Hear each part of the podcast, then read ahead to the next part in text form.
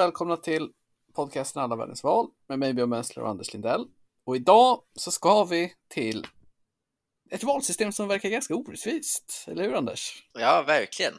Vi ska ju till Kanada. Vi ska till Kanada, det, det, detta liksom härliga land ändå. Eh, som har parlamentsval då den 20 september, eller hur? Ja, vi kan väl gå direkt på frågan varför har Kanada val, Björn? Ja, det är inte för att det har gått fyra år sedan sist och de måste ha det, utan det här är ett så kallat snap election, som man säger i UK. Premiärministern Justin Trudeau har upplöst parlamentet och vill ha ett nyval för att öka sina egna chanser. Senaste det här, någon drog det här movet var ju Theresa May för några år sedan, för er som hänger med, i Storbritannien. Och hon, eh, det var ju framgångsrikt och hon är fortfarande premiärminister i England. och det är väl lite liksom om, om, vi skulle, om vi bara skulle ha 90 sekunder för avsnitt så skulle man kunna säga att ja, och det kommer hända samma sak här, eller hur? Ja. Han håller på att falla på eget grepp, tror du. Men eh, vi ska väl eh, ta den här, göra, eh, inte göra en lång historia kort, utan låta den vara så lång som den. Mm. Men eh, kort kan man säga att Liberalerna har en minoritetsregering nu. De har 46 procent av platserna och de behöver egentligen bara typ plocka upp så här åtta seats för att få en majoritet istället. Och har man den chansen, vilket Trudeau då tyckte att han hade, antar jag, så tar man den. Det är inte svårare än så. Trots Men, att senaste eh, valet var, alltså var eh, 2019, så det är ju två i mandatperioden bara. Eh, men vad har, på, konstigt valsystem Kanada har de och så, lite konstigt så här, setup, eh, eller generellt, eller vad, vad, vad, känner du? När man läser om Kanadas valsystem så får man känna så här, det började med att de ville vara ungefär som Storbritannien, och sen så har man liksom ändrat det lite i taget för att det inte ska vara så. Men det finns liksom, så det finns liksom som ett konstigt blandsystem med liksom rester av det brittiska systemet. Ett var det du nämnde då till exempel, det här med att man har rullande mandatperioder, alltså att premiärministern kan ha val när som helst. Det andra är ju mest uppenbara, alltså att statschefen är ju ja, Elisabeth II är ju statschef i Kanada. Och sen finns det vissa saker som är, som är helt annorlunda då, som ju det du menade när du sa att det här var ett eh, orättvist valsystem, som är ju att man har ett, eh, ett så kallat first past the post system helt enkelt. Och det blir ju ännu mer orättvist i Kanada av att man har att det är ett flerpartisystem. Alltså de har och de försöker ha jättemånga partier, lite också lite som i Storbritannien trots att det egentligen eh, att, att det största partiet alltid vinner. Och det, det får ju mycket värre konsekvenser än vad det får i till exempel USA. Ja, precis, för det är val till det här underhuset då. Och de har också ett överhus som är helt ovalt, som det engelska överhuset är. Och det här överhuset kan liksom lägga veto mot lagar och grejer och har börjat göra det recently, helt plötsligt igen, efter att inte ha gjort det. Så att det är liksom... Vilka är det som sitter i det? Nej, det utnämns av eh, regeringen typ. Så att man du vet, som, som i House of Lords i England, att man packar det fullt med liksom sina polare när man har chansen typ. Mm. Men eh, det är valt till underhuset, 338 platser. Eh, det heter liksom ridings i Kanada, liksom mm. distriktet. Så att man runs in a riding. Och jag tycker det är fantastiskt. Men man är också ett federalt system. Så antalet platser i det här underhuset bygger på befolkningen i en region. Och precis som i USA så räknar man var tionde år och bestämmer det. Och sen, men skillnad från USA har man två konstiga grejer till. Man har en så kallad senatsklausul som säger att man måste ha lika många i underhuset som i överhuset från en region. Så att om någon blir utsedd från en liten region till överhuset av en regering så får de en extra plats i underhuset. Och de har också något som heter farfarsklausulen som säger att man måste ha lika många platser nu som man hade minst som man hade 1985. Och det här innebär att antalet parlamentariker sakta utökas i Kanada. Det står typ i, i reglerna, reglerna som att det är ett sällskapsspel, att det måste vara minst 295 och nu är de uppe i 338. Ja. Men båda de här reglerna innebär att vissa regioner är jätteunderrepresenterade politiskt sett. Ja. Så västra Kanada är underrepresenterat i parlamentet och det är alltså Vancouver och den delen. Och eh, östra Kanada och landsbygden där är klart överrepresenterad, precis mm. som det är i USA.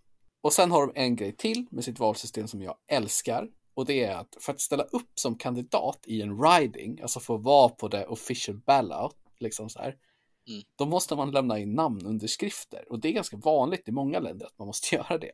Mm. Eh, om man till exempel har bemödat sig med de första 200 sidorna i Obamas självbiografi så får man veta hur jobbigt det var att samla ihop 3000 namnunderskrifter för att kunna liksom, vara på State Senate-vallistan i Illinois mm. som ingen bryr sig om.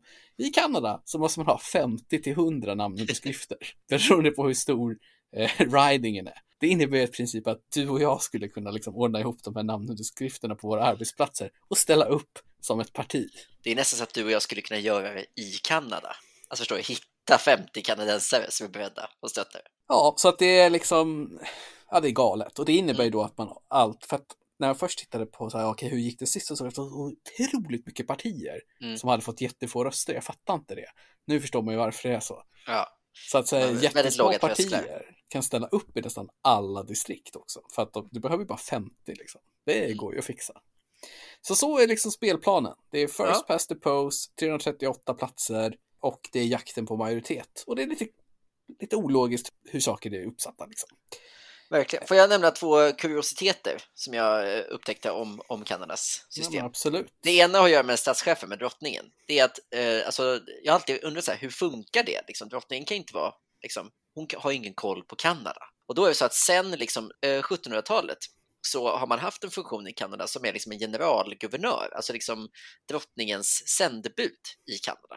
Så det finns liksom en person som, som är någon slags liksom de facto eh, statschef i Kanada som heter Mary Simon, är den senaste, som är, som är ganska nytillträdd, men som drottningen då utser på typ mer eller mindre livstid att, att sköta hennes ärenden. Det ser ut som den svenska regeringen utser en landshövding. Exakt, exakt. Det är verkligen det är en landshövdingsfunktion i, som man har i, i Kanada. Och, och det är att den är liksom, det är en väldigt så kolonial grej, så, att, så att det, är, det är hyfsat nyligen med liksom, historiska mått som den första personen som var från Kanada, det var på 50-talet. Den första personen som var från Kanada blev vald till generalguvernör över Kanada. Fan vad härligt det blir när det blir så här, om det skulle komma en ny på tronen i Storbritannien som blir liksom re reaktionär och bara ja. Nej, nej, nej, alltså vi ska ha en britt där. Ja, precis. Det ser vi fram emot. Eh, vi har faktiskt en sjukt, eller så här, det här är ju nördigt, men en kuriosa till är att det här har jag faktiskt sett på för till research att den som är chief och vice chief för liksom genomförandet av valet, så de högsta valförrättarna i landet, de blir av med sin rösträtt när de sitter på ämbetsperioden. Ja, mm. Så att två vuxna personer som är myndiga i Kanada, de har, har inte rösträtt i Kanada. Det har jag aldrig sett på förut, att det liksom finns ämbetsmän som inte får rösta. Ja, det är sjukt. Eller sjukt, ja, sjukt vet jag inte om man ska säga att det är. Men det, Nej, men, det, det kanske borde vara vanligare, kan vi säga. Ja, det är nästan så att det konceptet inte var Kanske, kanske är intressant. Liksom. Vi pratar ofta om kolonial historia i den här podden mm. för att många länder som har val har varit kolonier och Kanada har ju också en kolonial historia men, men det är kanske inte riktigt den typen av berättelser som ofta är till exempel i Afrika där det är ett inbördeskrig för frihet någonstans på 50-talet. Utan Kanadas politiska historia. De har ju ett konstigt system och ett ganska gammalt land, men det är ganska straight forward. Liksom.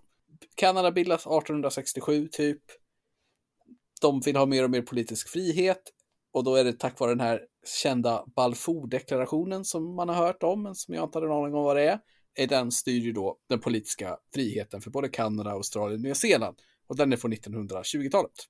Och det är ungefär då liksom 1920-talet som man kan säga att Kanada blir liksom helt självständigt. Förutom den här eh, brittiska över generalguvernören då. Mm. Och sen på den vägen är det, men de har ju haft val i Kanada, så Kanadas system, sedan 1867. Så att ja. det är ganska gammal demokrati liksom. Och i praktiken så har man väl administrerat mycket själv. Men det är snart hundra år sedan som man blev formellt liksom eh, av med Storbritannien. Och, och den stora liksom politiska, alltså om det finns en stor politisk metakonflikt i Kanada som går liksom rakt igenom historien så är det då eh, Quebec-frågan. Ja, eller, eller helt enkelt franska, franska mot engelska. Ja, precis kan man säga. Så Quebec är ju då en gammal fransk koloni från början och idag pratar man franska i Quebec fortfarande och Quebec har haft två folkomröstningar om självständighet, en 1980 och en 1995. Och 1995 så var det 50,6 procent som röstade nej och 49,4 som röstade ja. Så det var otroligt tajt. Mm. Då hade det liksom legat ett, två länder där, då, ett Quebec och ett eh, Kanada. Och den här liksom frågan om Quebec versus ja, resten av Frankrike. Så kan man säga att det är ju liksom en av de riktigt stora frågorna som går igenom kanadensisk politisk historia. Och Kanada är ju mycket mer tvåspråkigt än man tänker på. De har ju inte hunnit eh, ha en debatt på engelska än i det här valet, men de har haft den på franska där liksom de, de är ju olika bra på franska, partiledarna, men, men tar sig igenom det. Och det förväntas liksom att man ska ändå klara av det, helt enkelt. I alla fall, nu har vi liksom dratt lite om historien. Det finns sjukt mycket där eh, för den som är intresserad där ute. Till exempel så kan, kan jag be er att titta in han som satt som premiärminister under andra världskriget som i hemlighet använde ett medium för att prata med sin döda morsa på fritiden. Eh, där fanns det mycket guld, men det skiter Var det också en del av hans liksom, ämbetsutövning, att hon skulle hjälpa honom? Nej, det, det var, var det mer... Jag tror att han frågade om råd där, men eh, ja, det, liksom, det var ingenting som var... Det var inte som att journalisten frågade hur ska du göra här och han bara jag ska bara snacka med morsan. Han, bara, ja. han har varit död i fem år. Utan det var nog något som skedde. Jag tänkte, vi bara drar snabbt partierna kanske och så säger vi hur det gick i senaste valet och det så.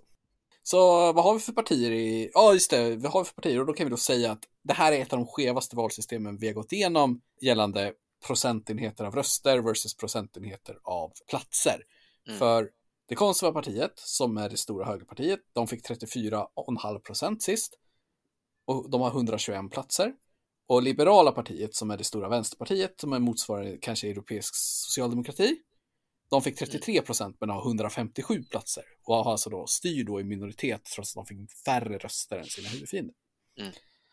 Eh, så det är lite konstigt och blir ännu mer bisarrt då lite senare. Men eh, vad har du på partierna då, Anders? Liksom, vad, vilka är de? Vad står de för och vad händer? Du, vi nämnde ju Justin Trudeau först då. Han är ju partiledare för det liberala partiet. Politiska alltså fenomenet Justin Trudeau. Ja.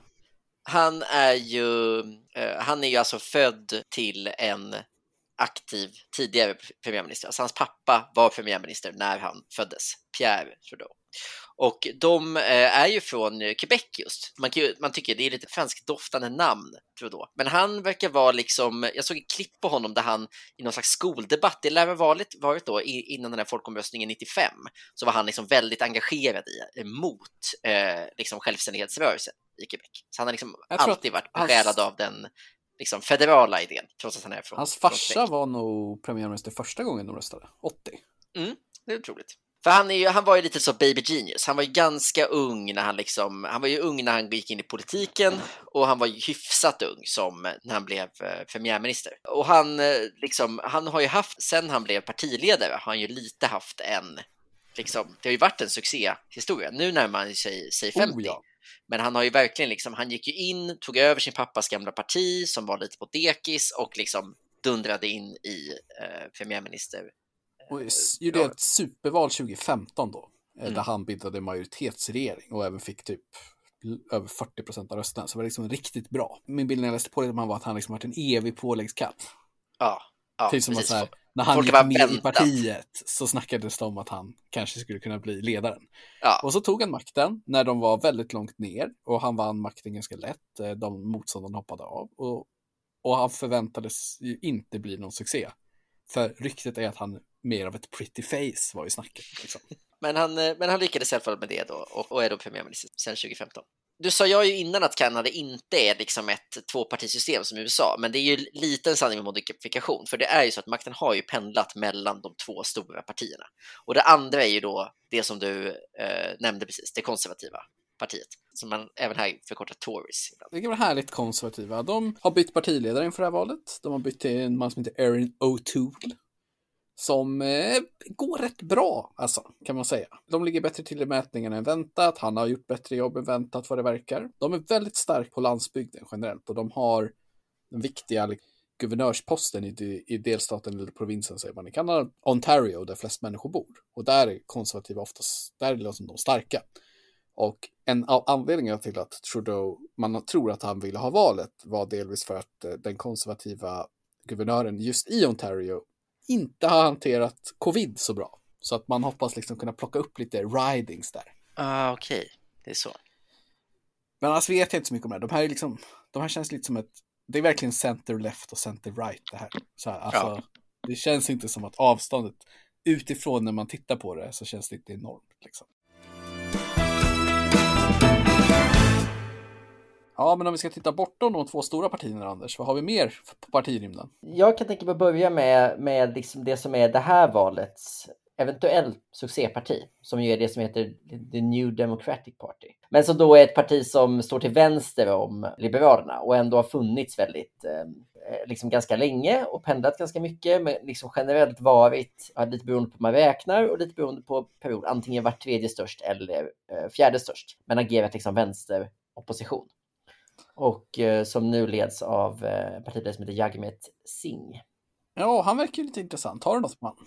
Alltså jag har följt honom på Twitter fruktansvärt länge för att det var någon video när han typ gjorde något starkt brandtal i någon fråga. Och sen har jag alltid varit besviken för jag tyckte att han känns väldigt liksom mellanmjölkig och ointressant. Men liksom känslan när man ser rörligt på honom är att han jämfört med Trudeau och O'Toole så är han ju, alltså han är typ lite mer avslappnad. Han pratar på ett lite annorlunda sätt. Lite mindre retoriker, lite mer eh, som folk är, är mest, eller man ska säga. Ja, men jag gillar Jag tycker han känns varm i kläderna. Han har bra framtoning och så. Och hans parti går ganska bra. Han är ju också, vad heter det, har ju också liksom brutit mark. Han är ju liksom sik med liksom indisk eh, bakgrund och eh, har ju brutit mark mycket som så här, den första partiledaren från en minoritetsgrupp.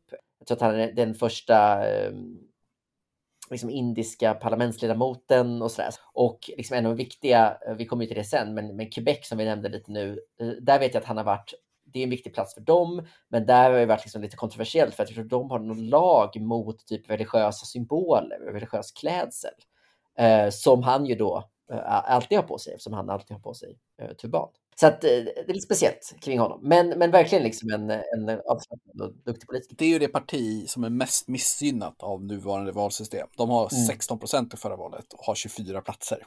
Quebecs eget lokalparti, Block Quebec, har 10 platser, 30, 32 platser istället och de har mindre än hälften så mycket röster.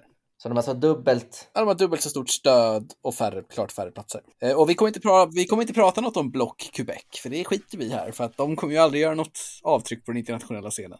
Istället gör vi, rullar vi vidare till din eh, subnisch, gröna partier. Vad har vi där? Ja. Jag har inte, alltså det är ju ett sånt parti som har funnits. De har ju alltid varit mycket, jämförts mycket med eh, amerikanska partiet och alltid varit, alltså amerikanska gröna partiet, som de, de är mycket bättre än, än de, mycket mer framgångsrika. I, vad ska man säga, i den internationella gröna rörelsen är de ju kända som ett liksom, ganska vettigt miljöparti.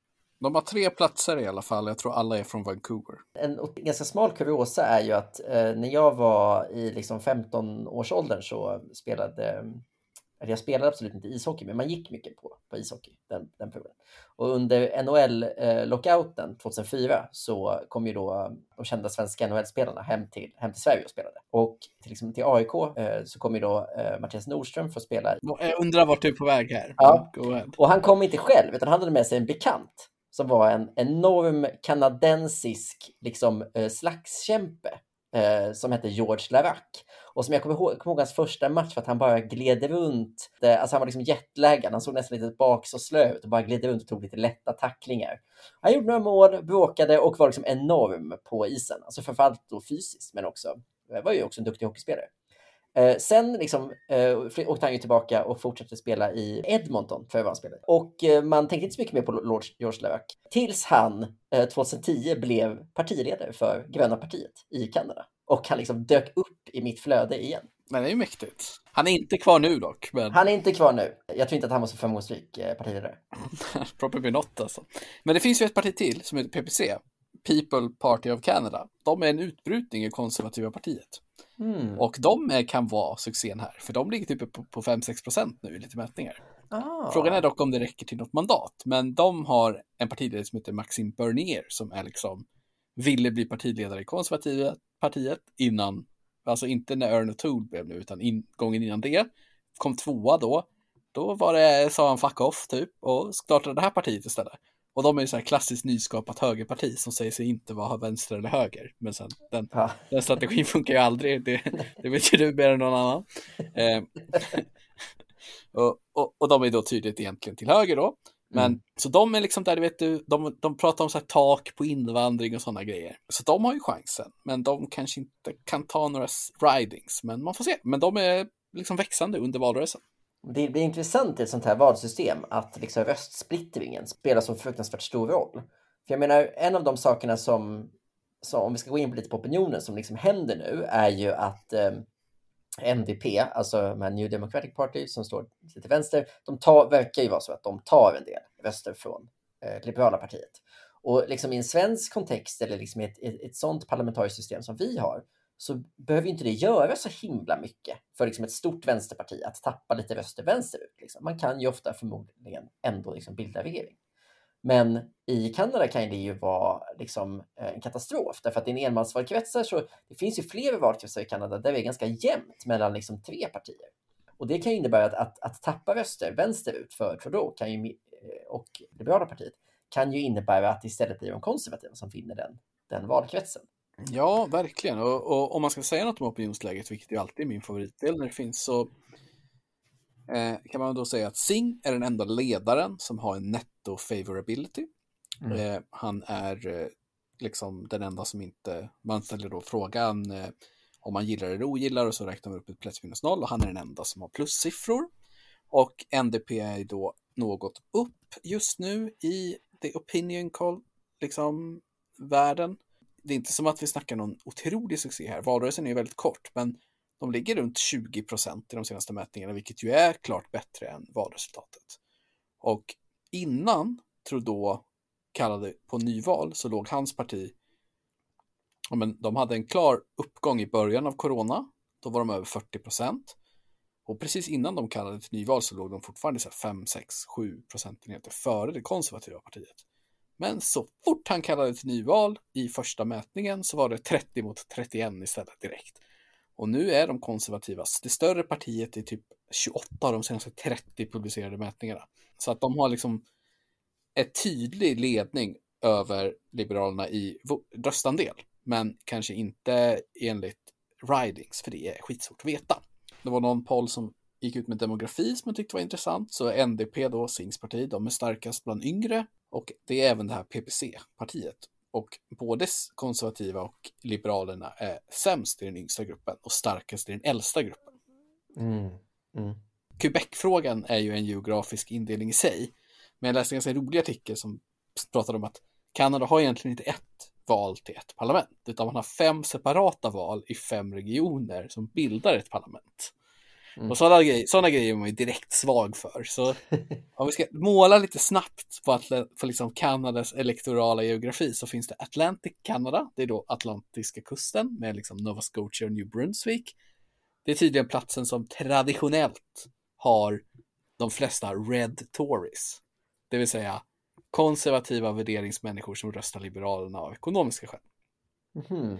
Men enligt den senaste opinionsundersökningen så leder de konservativa i Nova Scotia och ligger även bra till i New Brunswick. Så att här kan det vara så att Liberalerna tappar. Sen har vi Quebec som enligt samma artikel ganska snyggt formulerat har haft ett sent skifte till en vänster-höger-politik. För innan så var liksom separation union den politiska frågan i fokus. Mm, mm. Men Quebec är generellt vänster, så både Liberalerna och NDP går bra, men Liberalerna leder i den senaste mätningen precis något större än det här lokala Quebecpartiet. Mm. Ontario, delstaten där flest bor. Där leder Liberalerna i Toronto, men de konservativa är starkast på landsbygden. Sen har vi The Prairie States. Kan, kan du någon, någon av delstaterna i The Prairie States? Nej, men man vet ju att Kanada är, alltså alla bor ju i östra Kanada, så det är väl liksom, väl nord, nordvästra på något sätt. Det är ju Alberta, Manitoba och Saskatchewan. Ja, just det. Så att... Edmonton ligger där till exempel. Ja, och det är inte det nordligaste Kanada, utan det är snarare då mitten av Precis, Kanada. Alltså de det nordligaste... som är motsvarande Midwest om man pratar USA-språk. Exakt, och det bor ju nästan ingen norr om det här. Och där är det konservativa partiets Heartland. Och de ja. är på väg framåt där. Och de vinner nästan alla ridings där. Mm. Och sen har vi British Columbia som är gröna partiets konklav. Mm. Där det går dåligt för LPC. Och British Columbia är alltså, om vi ska passera på en karta, liksom väst, västkusten i Kanada. Liksom. Ja, det är någon slags Kanadas version av Kalifornien. Ja, ja men, eh, men det, där tror jag säger lite om ändå, även om man inte kan eh, eh, liksom hur de kanadensiska delarna skiljer sig åt så tror jag man förstår bilden av hur... hur... Det här kommer nog inte förvåna dig Anders, men de har en sida där de har sammanställt alla opinionsundersökningar på en riding-nivå också. Ja. Och jag har ju givetvis gått igenom det här. Så Ja, det förvånar mig ingenting. Och- för att jag ville känna liksom, okej, på den här riding-nivån, vart blåser vindarna? Ja. Och då ser det ut som att de konservativa kommer plocka upp Edmonton som stad. Eller nej, de kommer tappa den till Liberalerna. Sorry, jag, läste, jag, förstod, jag förstod tabellen fel, vilket är lite pinsamt med tanke på att jag jobbar med att läsa tabeller. Dels. Eh, så Liberalerna kommer plocka den. De kommer också plocka, nej, de kommer tappa i Vancouver till konservativa ett, minst ett mandat. Framförallt så verkar de dock hålla ledningen i väldigt många, men precis på gränsen. Mm. Så bilden om att det här blir ett jättejämnt val som det är svårt att säga något om mandatfördelningen på förstärks av att man, liksom när man tittar på, det verkar som att de gör så här speciella undersökningar i speciella ridings som är traditionellt jämna. Mm. Och det ser superjämnt ut. Så att göra en så här seat projection för det här, det känns väldigt svårt. Ja, gud ja. Eh, har du kollat in något på liksom vilka frågor som är ledande? Eller Mm. finns det någonting förutom covid, höll jag på att säga? Ja, men jag gjorde ett litet eh, snabbt eh, svep här och kollade på lite nyhetsklipp. Det är ju roligt för att det skiljer sig från alla länder typ, hur, hur covid-frågan eh, liksom linjerar med, med, övriga politiken. Och även här då vissa likheter med amerikansk alltså eller USAs politik. Att det är liksom de till vänster beskrivs generellt som liksom hårdare restriktioner. Så det finns till exempel e-, en sån grej som O'Toole från de konservativa har lovat, det är att riva upp så här vaccinbevissystemet som Justin Trudeau håller på att, att implementera. Det, det har varit en, så här, ganska mycket så här, våldsamma protester omkring Trudeau för att de, liksom, man tycker att coronarestriktionerna är för hårda. Eh, samtidigt, vilket jag tycker är lite roligt, så har O'Toole gjort en ganska stor grej av att inte kampanja på ett klassiskt valrörelsesätt, han gör nästan alla kampanjer från liksom en studio som de har byggt upp och om man åker till någon annan stad så står han ofta i en hotellobby och liksom tar allting därifrån. Och det är väl liksom i någon slags, eh, dels någon slags eh, covid-grej, att han vill visa att han tar mer ansvar än vad Trudeau gör. Men också lite för att han är ganska tydlig med att han liksom in, inte håller med om att det här eh, valet, liksom, alltså att man, att man tycker att det var fel att ha valrörelse under liksom, pandemin. Fast det kan han ju omöjligt tycka med tanke på att han, he is winning.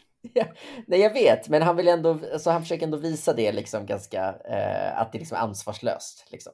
Och det kanske är så han vinner. Förstår du? Så man, kanske, man kanske inte ska avslöja att man är glad över att en valrörelse görs eh, under osäkra former bara för att man själv vinner.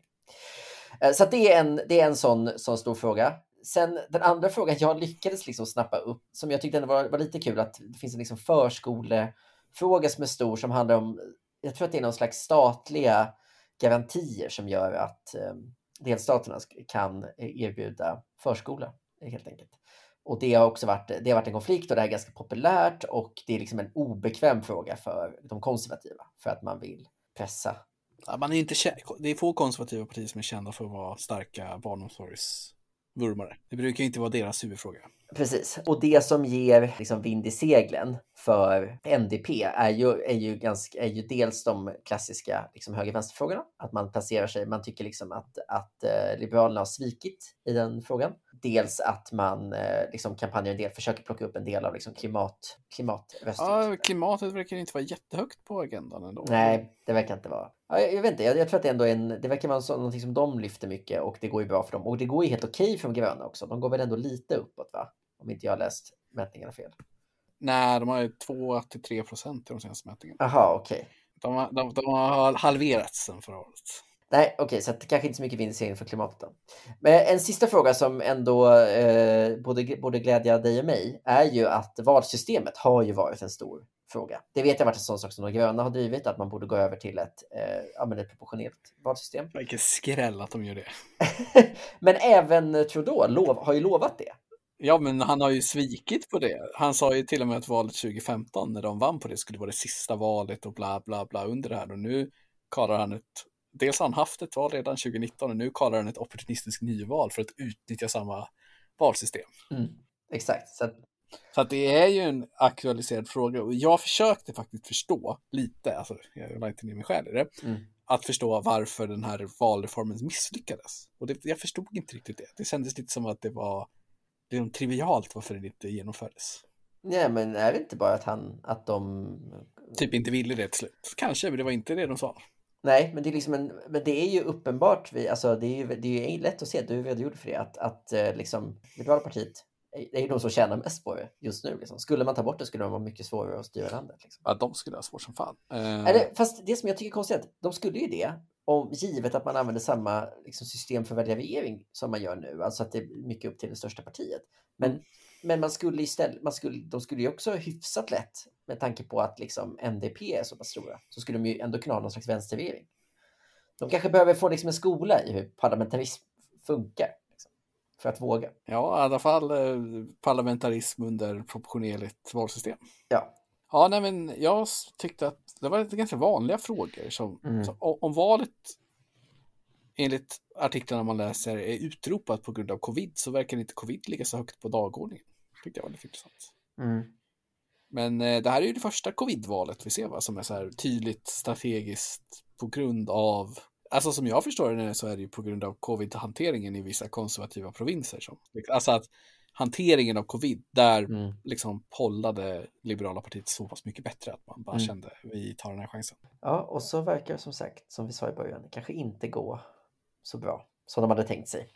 Nej, det verkar bli det. det ser, ja, men samtidigt så får vi se för att det är jämnt ja. och mycket mätningar. Det, när jag ser liksom mätningsresultat som drivs av att unga väljargrupper ska stödja ett visst parti eller alltså så här, ah, tveksamt alltså. Så vi får se. Jag räknar inte ut hur då. Jag gissar på flest seats för Liberalerna, att de kanske är ganska nära det de har nu typ. Mm. Ett status quo-val mitt i covid, det hade ju varit ett roligt fiasko. Men tror du att de får behålla regeringsmakten? Jag tror inte att de kommer göra ett så dåligt val som det verkar just nu. Det är min spaning. Eh, vi lämnar det nu, vi är tillbaks eh, snart igen, för det är så himla mycket val just nu. Ja, det är det. Och vi är tillbaks med Island va? Om ingen ja. annan hinner klämma in ett snap election. Men, eh... Så Island nästa och sen är det dags för Tyskland. På återseende. Hej då. Det bra.